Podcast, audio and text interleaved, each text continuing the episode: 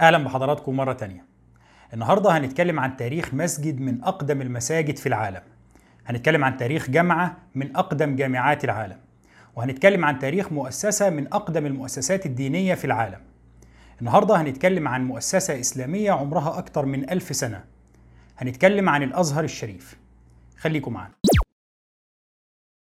الفتح الإسلامي لمصر تم سنة 21 هجرية على يد عمرو بن العاص في خلافة سيدنا عمر بن الخطاب. بعد فتح مصر عمرو بن العاص قرر بناء على نصيحة عمر بن الخطاب إن هو يبني عاصمة جديدة لمصر. العاصمة دي هي مدينة الفسطاط اللي هتكون مركز الحكم الإسلامي لمصر بدلا من الإسكندرية العاصمة القديمة لمصر. مع إنشاء مدينة الفسطاط اللي بتتحول للمركز السياسي للحكم الإسلامي الناشئ في مصر كان لازم يتم إنشاء مسجد علشان المسجد ده يتحول للقلب الديني للدولة الجديدة. المساجد في التاريخ الإسلامي لها دايما دور أوسع بكتير من مجرد كونها مكان لممارسة طقوس الشعائر الإسلامية. المساجد في التاريخ الإسلامي هي رمز لوحدة المسلمين وتجمعهم. علشان كده المسجد اسمه الجامع لأن هو بيجمع المسلمين أو بيتجمعوا فيه. بالإضافة لكده المسجد دايما كان مكان لنشر علوم الدين الإسلامي. العلماء بيجلسوا في المسجد ويعقدوا حلقات علم علشان يدرسوا علوم الدين الإسلامي لتلاميذهم اللي بعد كده بينشروا العلوم دي لتلاميذ تانيين. والمسجد برضه كان ليه دور مهم في الحياة السياسية. خطبة الجمعة كان دايما فيها بند ثابت بالدعاء للخليفة ولحاكم البلد. وبالتالي كنا نقدر نعرف ببساطة مين اللي بيحكم البلد دي لو حضرنا خطبة جمعة فيها. تغيير اسم الشخص اللي بيتم الدعاء له كان معناه ببساطة إن حاكم البلد دي أو ولائها اتغير. أول مسجد بيتم إنشاؤه في مدينة الفسطاط وفي مصر وفي أفريقيا كلها هو مسجد عمرو بن العاص اللي بيتحول بسرعة شديدة لأهم مركز ديني للحكم الإسلامي في مصر. مسجد عمرو بن العاص بيستمر في القيام بالدور ده في عصر الخلفاء الراشدين وفي العصر الأموي وفي بدايات العصر العباسي. مسجد عمرو بن العاص بيكون هو المسجد اللي بيجلس فيه واحد من وزن الإمام الشافعي نفسه علشان يشرح مذهبه ويدرسه لتلاميذه.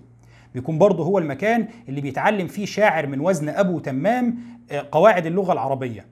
وحتى في العصور اللاحقة خطيب مسجد عمرو بن العاص بيكون واحد من وزن الإمام العز بن عبد السلام نفسه.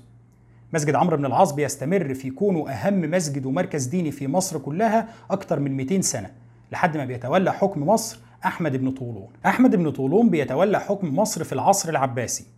لكن قبل تولي أحمد بن طولون لمصر كانت مجرد ولاية عباسية. الخليفة العباسي يقدر يعزل الحاكم بتاعها ويولي حاكم جديد. كان حاكم مصر مجرد والي تابع للخلافة العباسية. لكن بعد تولي أحمد بن طولون لحكم مصر بدأ يحاول يستقل بيها. وتحولت مصر لولاية شبه مستقلة دولة شبه مستقلة. خضوعه للخليفة العباسي كان يعني حاجة شكلية كده. لكن مصر كانت اتحولت لدولة شبه مستقلة يتوارث حكمها أولاد أحمد بن طولون من بعده. وفي محاولة من أحمد بن طولون لتأكيد استقلاليته عن الدولة العباسية وإن ده عصر جديد بحاكم جديد بدولة جديدة أنشأ عاصمة جديدة اللي هي مدينة القطائع وأنشأ مسجد جديد اللي هو مسجد أحمد بن طولون. علشان يحول المسجد ده للمركز الروحي للدولة بتاعته. مسجد أحمد بن طولون اللي ما زال موجود لحد النهاردة. مسجد أحمد بن طولون بيتم البدء في إنشائه سنة 263 هجرية وبتستمر أعمال الإنشاءات فيه لمدة ثلاث سنين. بعدها بيتم الانتهاء من المسجد والدولة بتعتبره المسجد الجامع الرئيسي لمصر. الدولة بتشجع مسجد أحمد بن طولون جدا لكنها ما بتقدرش مثلا تقول للناس خلاص يا جماعة ما تروحوش مسجد عمرو بن العاص أو اقفلوه أو حاجة زي دي. بيستمر مسجد عمرو بن العاص في القيام بدوره كواحد من أهم المساجد في مصر اعتمادا طبعا على تاريخه الطويل. ولكن مع تشجيع الدولة لمسجد أحمد بن طولون بيبدأ الجامع فعلا يتحرك وبينتقل للتدريس فيه علماء مش أقل من واحد زي الربيع بن سليمان تلميذ الإمام الشافعي نفسه. بعد سقوط الدولة الطولونية ظهر في مصر الإخشيديين الدولة الإخشيدية برضو كانت بتتمتع باستقلال نسبي عن العباسيين لكنهم ما حاولوش إن هم يبنوا بقى عاصمة جديدة ومساجد جامعة جديدة وإنما اعتمدوا على مسجد عمرو بن العاص ومسجد أحمد بن طولون. الاثنين استمروا في القيام بدورهم كمساجد جامعة وكمراكز لحلقات العلم ونشر علوم الدين الإسلامي. واستمر الوضع كده لحد ما ظهر في مصر الفاطميين. الدولة الفاطمية تم تأسيسها في البداية في دول المغرب العربي. الفاطميين شيعة. بينتموا لطائفة من الشيعة اللي هم الشيعة الإسماعيلية. وبحكم كونهم شيعة فهم أعداء طبيعيين للخلافة العباسية السنية الموجودة في بغداد. الفاطميين بعد تأسيس دولتهم في دول المغرب العربي كان هدفهم بيتلخص في السيطرة على مصر. مصر بالنسبة لهم كانت دولة غنية وتصلح كقاعدة للحكم وانتزاعها من العباسيين كان بيضعف الخلافة العباسية جدا وكان بيقوي موقف الفاطميين. وانتزاع مصر من العباسيين كان هو المفتاح بالنسبة للفاطميين علشان يسيطروا على الحرمين وعلشان حتى يسيطروا على بغداد نفسها بعد كده. الفاطميين حاولوا فعلا إن هم يسيطروا على مصر ويضموها لممتلكاتهم لكن محاولاتهم دي كانت بتفشل. استمر الوضع كده لحد ما ظهر في صفوف الفاطميين القائد جوهر الصقلي جوهر الصقلي اللي بينجح فعلا في السيطرة على مصر وضمها للدولة الفاطمية سنة 969 ميلادية. وده بيكون انتصار ضخم جدا للفاطميين وهزيمة فادحة للعباسيين. بمجرد سيطرة الفاطميين على مصر جوهر الصقلي بيؤمر ببناء مدينة جديدة علشان تكون عاصمة للحكم الفاطمي لمصر بحيث إنها تكون أسهل في الدفاع عنها وتكون منظمة أكتر وتبقى مقر لجنوده. جوهر الصقلي بيؤمر ببناء المدينة دي بعد ست أيام بس من استقراره في الفسطاط وبيؤمر ببناء قصر فخم للخليفة الفاطمي فيها وبناء مسجد جامع علشان يكون مركز للحكم الفاطمي في مصر وعلشان يكون مركز لنشر المذهب الشيعي في مصر. بعد سنتين من العمل المتواصل بيتم الانتهاء من أعمال البناء في المسجد الجديد. وبيتم كمان استكمال أعمال البناء في قصر الخليفة وفي المدينة وفي السور المحيط بها وبمجرد استكمال أعمال البناء بيقرر الخليفة الفاطمي المعز لدين الله إن هو ينقل عاصمة دولته ومركز حكمه من المنصورية في تونس إلى المدينة الجديدة. علشان مصر تبقى هي قاعدة ومركز حكمه وعلشان المدينة الجديدة دي تبقى عاصمة دولته. وبالفعل المعز لدين الله الفاطمي بيدخل المدينة الجديدة سنة 973 ميلادية. المدينة الجديدة دي اللي هي مدينة القاهرة أو كما تعرف بقاهرة المعز. المدينة اللي المعز لدين الله الفاطمي كان عايزها تكون المركز اللي هيقهر منه العالم. والجامع ده اللي هو الجامع الأزهر. عندنا خلاف في المصادر على سبب تسمية الجامع الأزهر بالاسم ده. في بعض المصادر بتقول إن هو اتسمى بالجامع الأزهر نسبة إلى السيدة فاطمة الزهراء ابنة النبي عليه الصلاة والسلام. بينما في مصادر تانية بتقول لا هو اتسمى الجامع الأزهر نسبة إلى القصور الزاهرة. القصور الزاهرة كانت قصور الخليفة الفاطمي وأبنائه وأسرته ودي كانت القصور المحيطة بالجامع الأزهر في الوقت ده واللي منها يفترض أنه هو اكتسب اسمه. على الأغلب أنه المسجد في بداية إنشائه كان يعرف بمسجد القاهرة أو بجامع القاهرة. ومع الوقت بدأ يكتسب اسم الجامع الأزهر وفي النهاية بقى هو ده الاسم المعروف له. الجامع الأزهر بيتم افتتاحه في أول جمعة من شهر رمضان سنة 361 هجرية. بيتم افتتاحه بافتتاحية ضخمة جدا. الاحتفالية اللي بتتعمل في افتتاحه بيكون قاصد الفاطميين منها إن هم يبرزوا الدور المنتظر للجامع الجديد في نشر الدعوة الفاطمية وفي نشر مذهبهم في مصر. الفاطميين زي ما قلنا كانوا شيعة بينتموا لطائفة من الشيعة اللي هم الشيعة الإسماعيلية. ولكن الشيعة الإسماعيلية نفسهم ما كانوش طائفة واحدة. وإنما حصل ما بينهم انشقاقات وانقسموا لمجموعة كبيرة من الطوائف والمذاهب. وعلشان كده أغلب المصادر التاريخية بتسمي مذهب الفاطميين باسمهم بتسميه المذهب الفاطمي. يعني كده المذهب الفاطمي ده واحد من مذاهب الشيعة الإسماعيلية. الفاطميين طبعا كان نفسهم ينشروا المذهب بتاعهم اللي هو المذهب الفاطمي في جميع أنحاء العالم الإسلامي وفي مصر على وجه التحديد كبديل للمذهب السني اللي هو كان مذهب الغالبية العظمى من المصريين في الوقت ده. في الوقت ده كان أغلب المصريين إما شافعية وإما مالكية باعتبار أن المذهب المالكي كان هو الأسبق في دخول مصر. بينما الإمام الشافعي عاش في مصر فترة وفيها نشر مذهبه وتلقى عنه عدد كبير من التلاميذ المصريين المذهب بتاعه وبالتالي بقى المذهب الشافعي هو الأكثر انتشارا في مصر. كان بعدهم في درجة أقل من الحنفية بينما المذهب الحنبلي كان نادر الوجود في مصر. رغم أن الفاطميين كانوا عايزين ينشروا مذهبهم في مصر إلا أن المعز لدين الله الفاطمي كان أذكى من أن هو يحاول يفرض المذهب بتاعه بالقوة على المصريين. من ناحية لأن هو كان شايف أنه حكم الفاطميين لمصر لسه جديد لسه لم يستقر. وبالتالي محاولة نشر المذهب الفاطمي بالقوة بين المصريين كان ممكن ينتج عنه ثورة للمصريين عليه. ومن ناحية تانية لأن المعز لدين الله كان شايف أن المذهب اللي هيتم فرضه بالقوة الناس هتكرهه وهتاخد موقف ضده وبالتالي هيبقى سهل إن هم يتخلوا عنه بمجرد إن يحصل أي اضطرابات.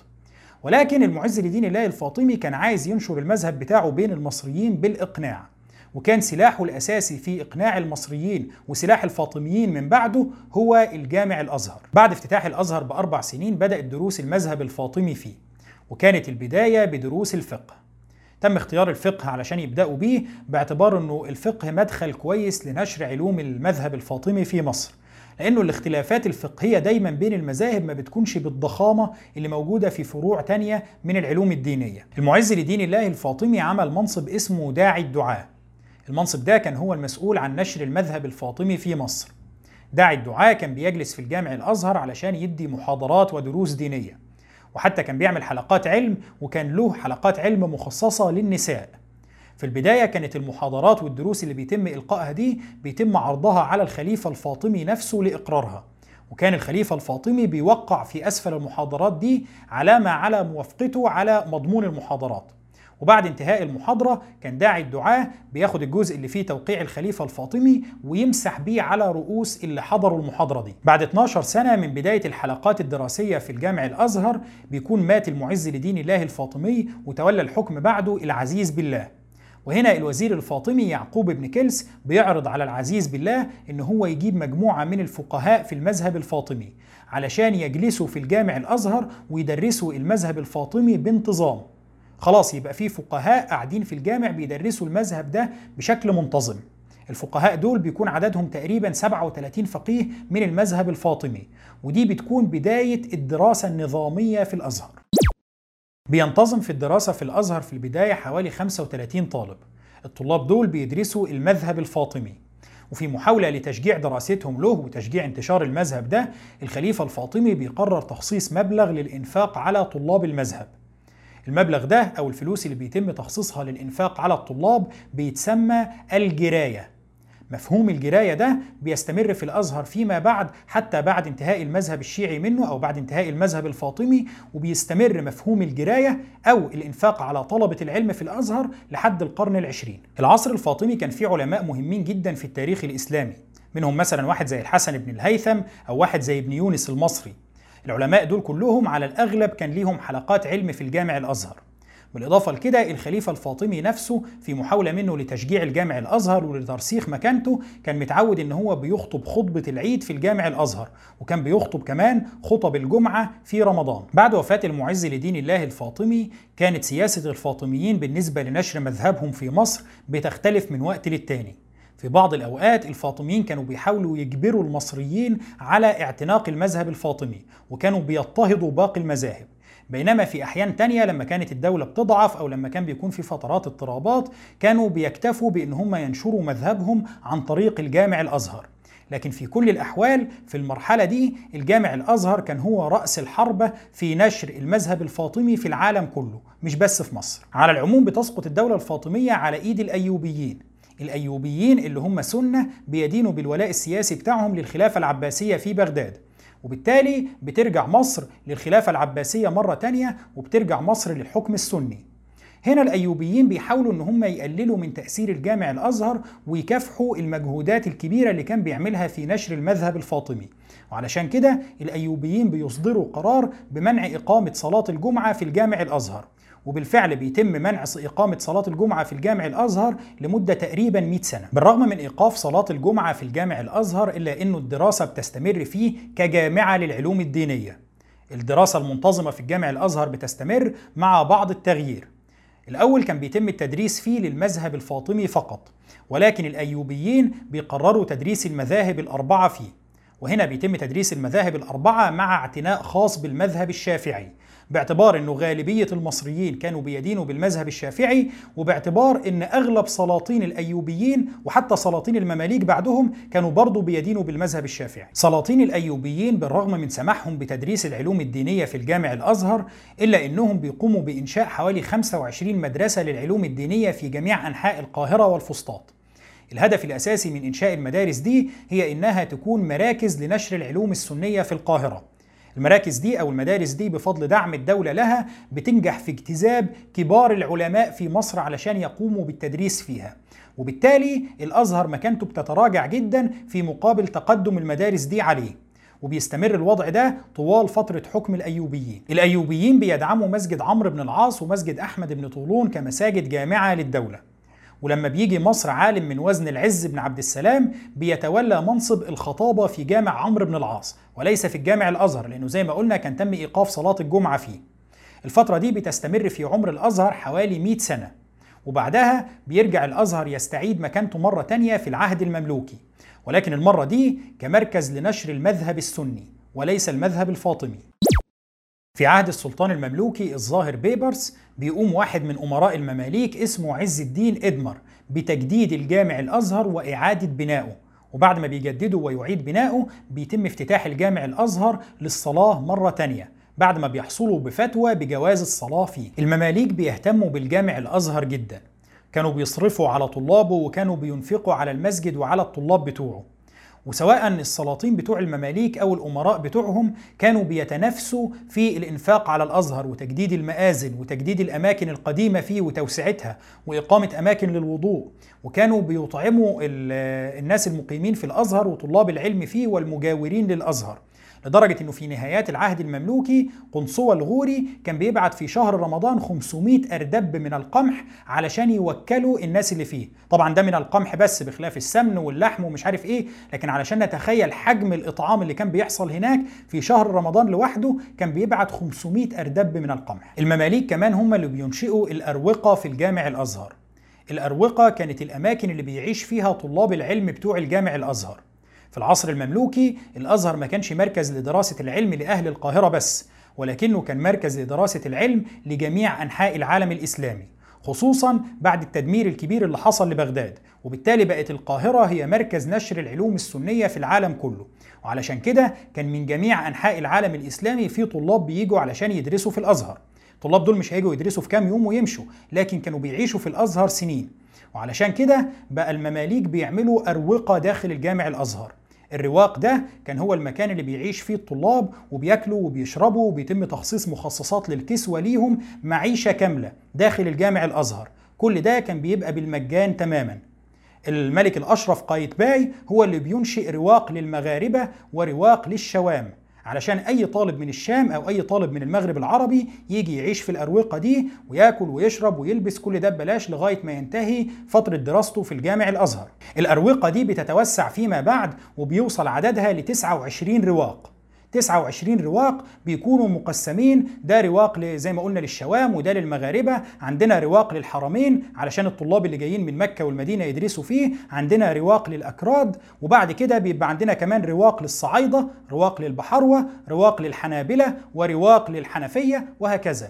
بيوصل العدد ل 29 رواق داخل الأزهر وبتستمر الأروقة دي موجودة لحد القرن العشرين لما بيتم إنشاء مدينة للبعوث.